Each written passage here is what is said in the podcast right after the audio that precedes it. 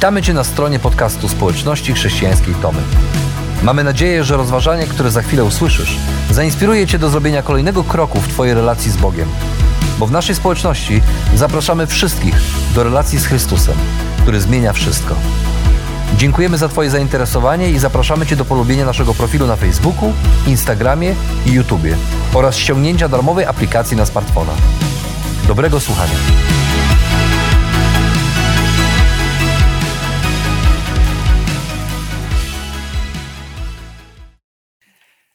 Nie lubię pożegnań i myślę, że nie jestem w tym jedyny. Starsze małżeństwo e, stoi na parkingu i patrzy, jak ich córka i jej mąż pakują do bagażnika walizki i pakują dzieci do samochodu. Dziadek trzyma w ramionach sześciomiesięczną wnuczkę i czule ją przytula, żegnając się z nią, a babcia, babcia jak to babcia, dopytuje się, czy aby wszystkiego, wszystko wzięli, niczego nie zapomnieli i ukradkiem ociera łzy. Chwilę potem bagażnik w końcu dał się zamknąć, dzieci już siedzą w fotelikach pozapinane, ostatnie uściski, ostatnie życzenia bezpiecznej podróży i samochód odjeżdża, dziadkowie machają i patrzą, jak gdzieś znika za zakrętem. Oni też nie lubią pożegnań.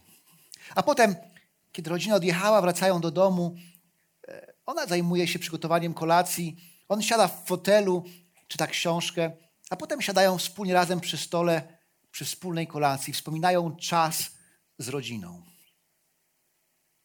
To miała być zwykła kolacja, nikogo nie zapraszali, nikogo się nie spodziewali. Siedzieli przy stole i rozmawiali. Ale chociaż nikogo nie zapraszali, nikogo się nie spodziewali, przy ich stole siedział nieproszony gość. Do ich domu tego wieczoru nieopatrznie wśliznęła się śmierć, niepostrzeżenie.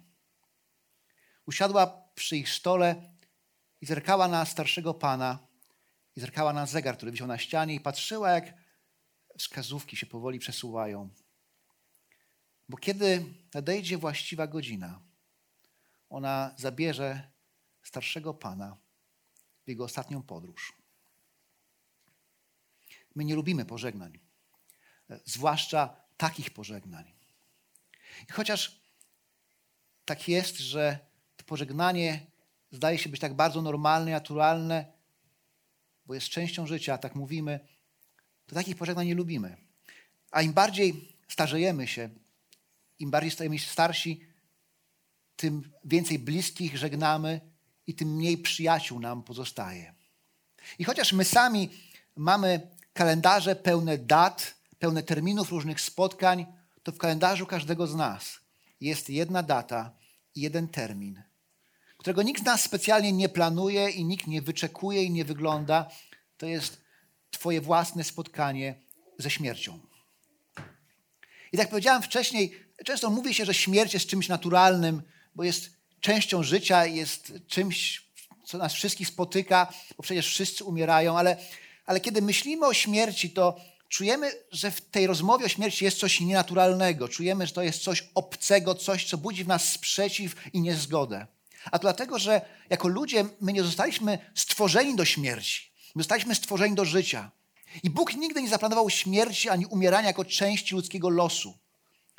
Śmierć pojawiła się na świecie po tym, jak pierwsi ludzie zgrzeszyli przeciwko Bogu, odwrócili się od Niego i to jest konsekwencja ich grzechu. A więc to myśmy jako ludzie ją tutaj zaprosili na ten świat. I teraz wszędzie widać ślady śmierci. Widzimy te ślady śmierci, kiedy patrzymy na ludzi nieuleczalnie chorych, kiedy patrzymy na wojny, kiedy patrzymy na epidemię, kiedy patrzymy na starość, na zakłady pogrzebowe i na cmentarze. Śmierć, przypominam, wszędzie o swojej obecności, a wcześniej czy później zdarzy się tak, że będziemy żegnać swoich bliskich, albo już ich pożegnaliśmy. I w tych chwilach, kiedy żegnamy swoich bliskich, którzy odchodzą na zawsze, odczuwamy smutek, tęsknotę, poczucie pustki, ale też bez na to, czy jesteśmy ludźmi wierzącymi, czy niewierzącymi, to w takich chwilach często też zadajemy sobie pytanie o sens życia. Po co tu jesteśmy? Jaki jest cel naszego bycia tu na ziemi? I pytamy się samych siebie, czy to koniec, czy jest jeszcze coś więcej? Co, co dalej? I też nie jesteśmy pierwszymi, którzy sobie takie pytania zadają. ponieważ z podobnymi pytaniami zmagali się wierzący w kościele w Tesalonikach. Apostoł Paweł, kiedy był w tym kościele, mówił im o tym, że pewnego dnia Jezus przyjdzie ponownie, powróci na ten świat. I że to będzie miało miejsce wkrótce. I oni liczyli na to, że to będzie wkrótce, ale to wkrótce się przeciągało. Jezus nie wrócił wtedy, jeszcze ciągle nie wrócił, a oni czekali. I czuli się trochę jak kobieta z piosenki country, która nazywa się Delta Dawn. Historia mówi, że kiedy była młoda, była najpiękniejszą dziewczyną w mieście. I zjawił się pewnego razu chłopak, ciemnooki chłopak o czarnych włosach, przystojniak jakich mało, który skradł jej serce i obiecał, że się z nią ożeni. A potem wyjechał, a przed wjazdem powiedział, że wyjeżdża na chwilę, aby przygotować jej dom gdzieś daleko za, za górami, ale wróci. Ale to było 20 lat temu.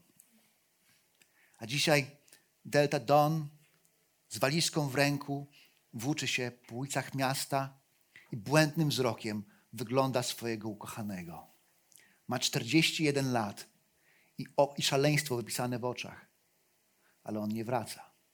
I czasem tak my się czujemy, kiedy myślimy o powrocie Jezusa, że chcielibyśmy, aby On wrócił, ale On nie wraca, a ludzie wokół ciągle umierają. I tak też było w przypadku Tesaloniczan. Odkąd Paweł wyjechał, prawdopodobnie ktoś z tego kościoła umarł. A oni stali nad jego grobem, patrzyli i ta śmierć spowodowała w ich sercach, w ich umysłach całe mnóstwo pytań. Bo to byli tacy młodzi wierzący, młodzi chrześcijanie, którzy dopiero nawrócili się z pogaństwa, powiedzieliśmy takie niemowlaki w wierze. Więc e, nie, nie odpowiedzi na wszystkie pytania, a Paweł, który był w tym kościele przez zaledwie kilka tygodni, trzy, może trochę więcej, z całą pewnością nie zdążył odpowiedzieć na wszystkie ich pytania i wszystkiego ich nie nauczył. A więc kiedy patrzyli na ten grup bliskiej sobie osoby, zadawali sobie pytanie, czy dla niego to koniec? Czy skoro Jezus jeszcze nie wrócił, a ta osoba umarła, czy ona przegapiła powtórne przyjście Jezusa, już się z nim nie spotka? A co dalej z taką osobą? A w ich kulturze, pogańskiej kulturze, w której się wychowali, ta kultura nie dawała zbyt wiele nadziei na to, co dalej, bo śmierć była czymś ostatecznym. Jak ktoś się już znalazł w krainie umarłych, w zaświatach, to stamtąd się już nie wracało. A więc oni nie tylko przeżywali żal po stracie, smutek i tęsknotę, ale zadawali sobie pytanie, co dalej? Czy jest coś więcej? Czy jest jakaś nadzieja? I właśnie do takich ludzi Paweł postanowił napisać kilka słów, aby ich pocieszyć zachęcić. I mówi tak: Nie chcemy też, bracia, abyście byli nieświadomi losu tych, którzy zasnęli. Nie musicie się smucić jak ludzie bez nadziei. Otóż jak wierzymy, że Jezus umarł i zmartwychwstał, tak też wierzymy, że Bóg przez Jezusa poprowadzi wraz z Nim do wieczności tych, którzy zasnęli. Apostoł Paweł mówi, nie chcę, abyście, nie byli, abyście byli nieświadomi losu tych, którzy zasnęli. To słowo zasnęli to jest takim ładniejszym, przyjemniejszym sposobem powiedzenia tych, którzy umarli po prostu. I Paweł mówi, nie musicie się smucić jak ludzie bez nadziei. I on nie mówi, że nie powinniśmy jako wierzący się smucić z powodu odejścia bliskich osób, że nie powinniśmy opłakiwać swoich bliskich, którzy odchodzą. Ponieważ kiedy czytamy zarówno Stary Testament, jak i Nowy Testament, to znajdujemy tam wiele przykładów ludzi, którzy chociaż byli wierzącymi, chociaż wierzyli w Boga, to kiedy ich bliscy odchodzili, to ich po prostu opłakiwali i czuli pustkę w swoim życiu, którą ta osoba pozostawiła po sobie. Czuli żal i smutek. I Paweł mówi, nie mówi, że nie mamy się smucić, ale mówi, że chociaż się smucimy, to smucimy się inaczej. Nie smucimy się jak ludzie, którzy nie mają nadziei. Nadziei? Ale jaka nadzieja? Czy jest jakaś nadzieja? Bo czy ktoś tam był po drugiej stronie, był i wrócił, żeby powiedzieć, że coś tam jest, że jest jakaś nadzieja? Kiedy Krzysztof Kolumb przygotowywał się do swojej podróży do Indii, to w jego czasach było takie powiedzenie non plus ultra. Nic więcej poza. Ludzie byli przekonani, że świat, który znają, to jest cały świat, że za tym wielkim morzem już nic więcej nie ma, już nic więcej nie ma za linią horyzontu, non plus ultra, nic więcej poza. Ale Kolumb wbrew wszystkiemu wsiadł na statek i popłynął do Indii. Chociaż do Indii nie dopłynął, tylko do Ameryki, to udało mu się dopłynąć i wrócić. I udowodnił, że jest więcej poza. A kiedy umarł, to w jego rodzinnym mieście zbudowano pomnik, na którym był napis non plus ultra. I też wyrzeźbiono lwa, który pazurami zdrapał non i zostało plus ultra, więcej poza. I tak samo było z Jezusem, kiedy umarł, to poszedł w miejsce, o którym myślano, że już nie ma tam nic więcej poza. Ale on poszedł i wrócił. Jezus Chrystus naprawdę umarł, naprawdę został złożony do grobu i naprawdę zmartwychwstał. I w ten sposób pokonał śmierć i pokazał, że jest więcej. A jego zmartwychwstanie jest zapowiedzią nowego stworzenia. Jest zapowiedzią naszego zmartwychwstania. I jak nasz tekst mówi, że przez to, że Jezus zmartwychwstał, Bóg pewnego, pewnego razu poprowadzi nas wraz z Nim do wieczności, bo On otworzył nam drogę do wieczności. A to zmienia naszą perspektywę na życie i na śmierć i też na pożegnania. Na pożegnania z ludźmi, którzy są nam bliscy. Filip urodził się z zespołem Downa. Kiedy miał 8 lat, chodził do trzeciej klasy szkoły niedzielnej. Na początku dzieci miały problem, żeby zaakceptować jego inność, ale nauczyciel, mądry nauczyciel robił wszystko, co tylko mógł, aby nauczyły się go kochać, akceptować, troszczyć się o niego i traktować go jako swojego kolegę. To było tydzień po świętach wielkanocnych, kiedy mówili o zmartwychwstaniu Jezusa. Nauczyciel w ramach lekcji zabrał dzieci na dwór. Dał im pudełka, puste pudełka po jajkach i powiedział, aby szukały śladów nowego życia. Więc dzieci się rozbiegły po terenie i szukały śladów nowego życia, a potem przyniosły pudełka i otwierały je po kolei. Kiedy otwierały się kolejne pudełka, było ach i och, a w tych pudełkach był listek, jakaś trawka, mały kwiatek. Ktoś znalazł żywego ślimaka i go przyniósł. Dzieci otwierały te pudełka, a wszędzie były ślady nowego życia. I zostało tylko jedno pudełko. I kiedy otworzyli, okazało się, że to pudełko było puste. I dzieci z oburzeniem, ktoś nie wykonał zadania, ktoś nie zrobił zadania. Czyj to pudełko? Filip mówi, to moje pudełko. Dlaczego nie zrobiłeś zadania? Ale mówi, ale ja zrobiłem. No nie zrobiłeś, ty nigdy nie robisz nic jak trzeba, ty zawsze robisz wszystko źle. Ale, ale ja zrobiłem. Bo przecież bo przecież grób Jezusa był pusty.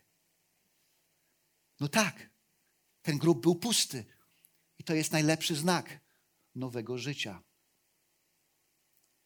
Kilka tygodni później Filip złapał infekcję, z którą większość dzieci poradziłoby sobie bez problemu, ale w jego stanie ta infekcja okazała się śmiertelna. Umarł. A kiedy był dzień jego pogrzebu, to jego koledzy i koleżanki z klasy szkoły niedzielnej. Zamiast przynieść kwiaty i wiązanki, przynieśli puste pudełka po jajkach, bo tamten grób był pusty. Dlatego w obliczu śmierci nie popadamy w beznadziejność, bo skoro Jezus pokonał śmierć, to ona nas też nie zatrzyma. I apostoł Paweł mówiąc o zmartwychwstaniu, mówi, że przez zmartwychwstanie Bóg poprowadzi nas wraz z Chrystusem do wieczności. Ale tu pojawia się pytanie, no, ale jak to zrobi, jak to się stanie? I dalej w dalszej części tego tekstu Paweł maluje przed nami obraz nie tylko zmartwychwstania, ale obraz niesamowitego spotkania.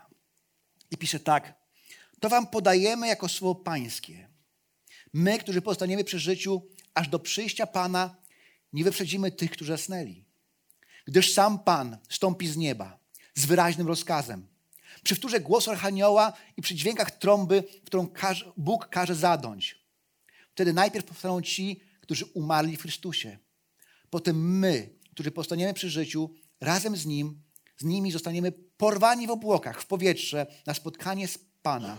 I tak już na zawsze z Nim pozostaniemy. Tymi słowami dodawajcie sobie otuchy. I apostoł Paweł mówi, to, o czym wam piszę, to nie jest moja opinia, to nie są moje życzenia, moje mrzonki, czy płonne nadzieje, ale to, czym piszę, to jest słowo Pańskie. To jest wiadomość samego Boga dla Was, abyście wiedzieli. I dalej Paweł opisuje wydarzenie, najbardziej niezwykłe wydarzenie, jakie możemy sobie wyobrazić. Opisuje powtórne przyjście Jezusa na świat. I tak o tym mówi, że przy powtórnym przyjściu Jezusa będą miały miejsce takie właśnie wydarzenia i okoliczności. I kiedy opisuje to powtórne przyjście Jezusa na świat, to opisuje jako powrót króla. Bo mamy Jezusa, który powraca i wydaje rozkaz, jak zwycięski król. Mamy głos Archanioła i mamy dźwięk trąby. Król powraca. I w czasach Starego Testamentu trąby miały szczególne znaczenie, ponieważ ten dźwięk trąb często był kojarzony i trąby były wykorzystywane przy szczególnych wydarzeniach. Na przykład trąby wzywały do modlitwy w świątyni, albo kiedy rozpoczynało się święto, to właśnie dźwięk trąb ogłaszał początek święta. Oto rozpoczyna się kolejne święto. Trąby też wzwały do boju. Trąby też, kiedy Izraelici wychodzili po 70 latach niewoli, to właśnie przy dźwięku trąb, te trąby były znakiem tego, że opuszczają niewolę i mogą wrócić do swojej starej ziemi. A tutaj mamy obraz króla, który powraca, wydaje rozkaz i brzmią trąby i jego poddani, którzy są rozproszeni po całej ziemi, którzy umarli w różnych miejscach, w różnych miejscach są ich groby. Słysząc ten dźwięk trąby i głos, jego rozkaz, rozkaz swojego króla, powstają do życia na spotkanie swojego króla. A więc Paweł pisze, ci, którzy umarli w Chrystusie, umarli jako naśladowcy Jezusa, jako ludzie wierzący, nie przegapią spotkania z Nim, bo tak naprawdę oni jako pierwsi się z Nim spotkają. A potem dołączą do nich ci, którzy żyją. My, którzy pozostajemy przy życiu, Paweł mówi, zostajemy porwani na obłoki. I to słowo porwani to jest ciekawe słowo, ponieważ my często mówimy o, o kimś, że śmierć go zabrała. Zwłaszcza jeżeli to jest takie nagłe odejście, nagła, niespodziewana śmierć. Ktoś został porwany, wyrwany z krainy żyjących. A tutaj Paweł mówi o tym, że zostaniemy porwani, ale nie do śmierci, ale do, do wieczności, do życia z Jezusem na zawsze. Mówią porwani na obłoki. I to jest kolejny element tego opisu powrotu króla, który e, dla, zarówno dla Żydów, jak i dla pogan był, był dosyć jasny i oczywisty, bo Paweł tutaj odwołuje się do, z jednej strony do Starego Testamentu, do Księgi Daniela, gdzie jest, napis, jest proroctwo mówiące o, o Synu Człowieczym, który kroczy po obłokach, do tronu samego Boga, aby objąć panowanie. Kiedy Jezus umarł, zmartwychwstał i kiedy było w niebo wstąpienie, Jezus wracał do Ojca i w pewnym momencie obłok go przykrył i on zniknął z oczu swoich uczu, uczniów, bo on wrócił do Ojca, aby objąć panowanie. I aniołowie powiedzieli uczniom, że ten Jezus, tak jak patrzyliście, jak widzieliście, jak został zabrany do was w górę, tak samo wróci. I tutaj Paweł opisuje, że oto król na obłokach powraca do swojego ludu, do swoich poddanych.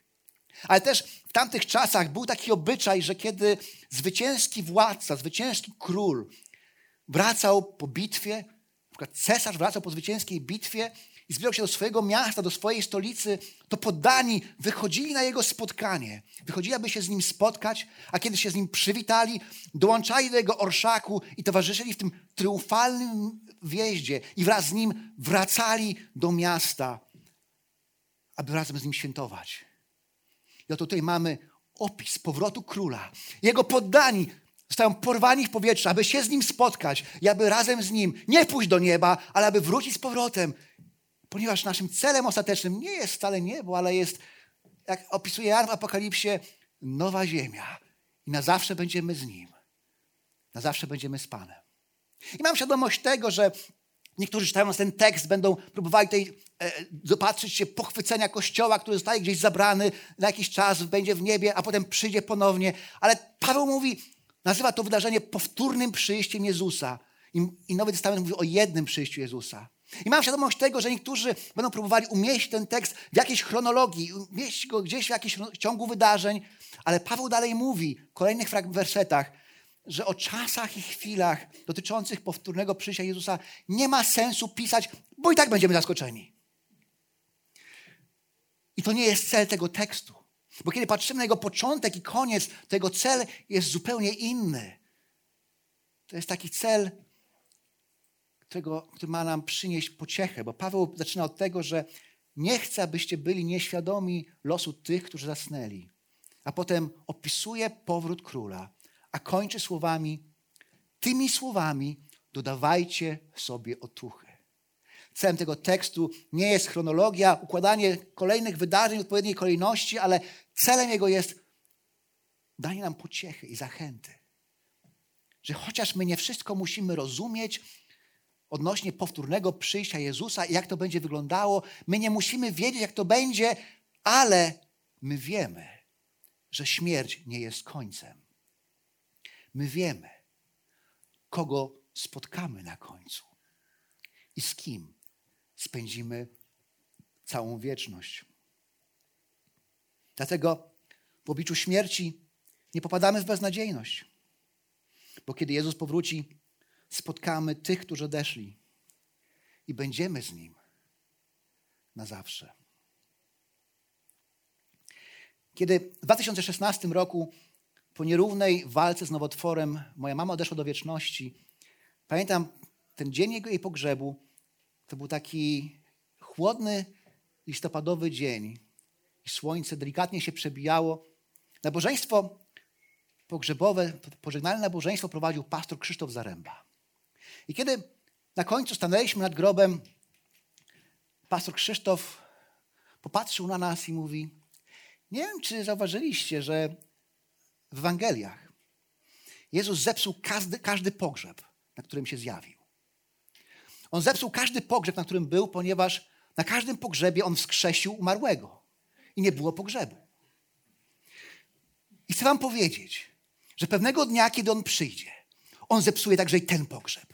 I wszystkie inne pogrzeby Bożych dzieci.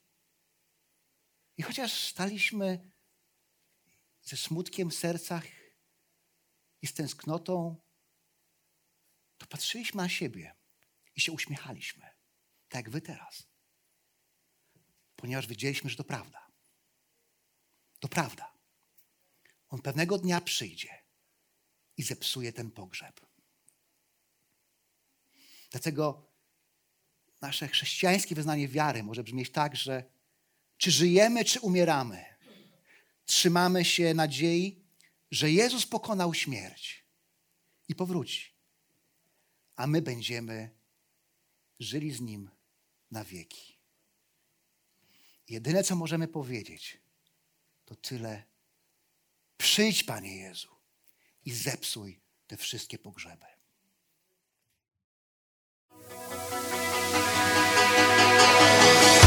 Jeszcze raz dziękujemy za wysłuchanie naszego rozważania. Jeżeli mieszkasz w okolicach Tomaszowa Mazowieckiego lub Łodzi, zapraszamy Cię do odwiedzenia nas na niedzielnym nabożeństwie. Więcej informacji znajdziesz na stronie schatomy.pl.